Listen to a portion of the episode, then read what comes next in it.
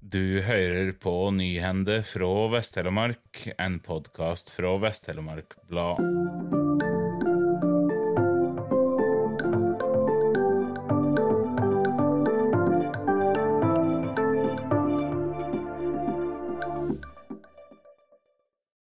Senterpartiet er størst, og KrF går mest fram på meningsmålinga Nordfakta markedsanalyse gjennomførte Kviteseid for Vest-Telemark Blad.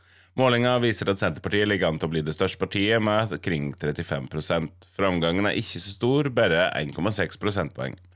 Partiet vil da beholde seks representanter i kommunestyret. KrF går mest fram på målinga, opp 10,2 prosentpoeng, noe som vil tilsvare fire representanter inn, to flere enn i inneværende periode. Høyre øker med én representant til tre, medan Arbeiderpartiet, som mister 12,2 prosentpoeng og oppslutning sett opp mot 2019, mister to representanter fra seks til fire. Nordfakta markedsanalyse har spurt 100 personer i Kviteseid hva de har tenkt å røyste ved valget 11.9. 26% har ikke bestemt seg ennå. 9 vil ikke oppgi svar eller har ikke tenkt å røyste, og resultatet har en feilmargin på 9,6 Kontraktene for vintervedlikehold på de kommunale veiene i Kviteseid kommune gikk ut våren 2023. Kommunen har siden da utarbeidet konkurransegrunnlag og lyst ut anbudskonkurranse om vintervedlikeholdet. Det var tre leverandører som leverte inn tilbud, Haugo Entreprenør, Vest-Telemark Skogdrift og ABT Anlegg og Utleie. Haugo Entreprenør AS kom med det laveste tilbudet, og får dermed kontrakten på vintervedlikeholdet i Kviteseid sentrum over fire år, fra 2023 til 2027. Firmaet ABT Anlegg og Utleie AS har fått kontrakten om veivedlikeholdet på de kommunale veiene i Margedal, Brunkeberg og i Åsgren. I vinter fikk kommunen mange klager på vintervedlikeholdet i Kviteseid, men kommunalsjef for samfunnsutvikling og teknisk drift i kommunen, Olav Kjetil Greivstad, sa til VTB i januar at entreprenøren stort sett har levert til bestillinga. Standarden for vintervedlikehold var også oppe til politisk vurdering i mai.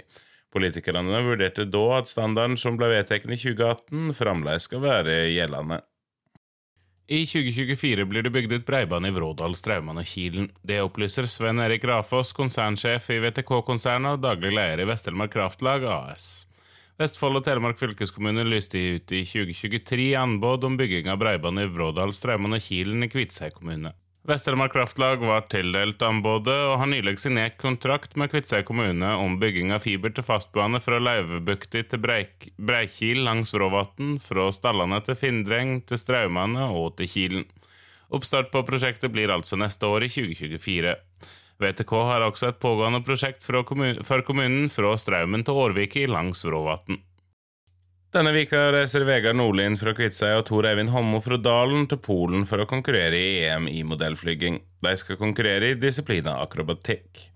De to modellflyentusiastene har drevet med modellfly siden 90-tallet, og de er med i Vesthelen modellflyklubb, en klubb med 17 mer eller mindre aktive medlemmer.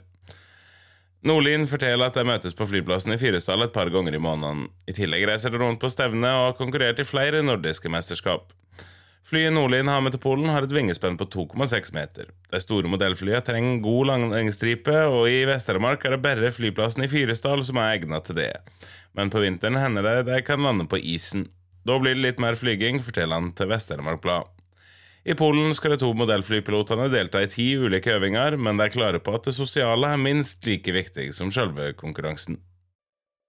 Tusen takk for at du hørte på. Denne sendinga var produsert og presentert av Asla Kringhus for Vest-Telemark Blad, og musikken er laga av Symre Taugbølbang.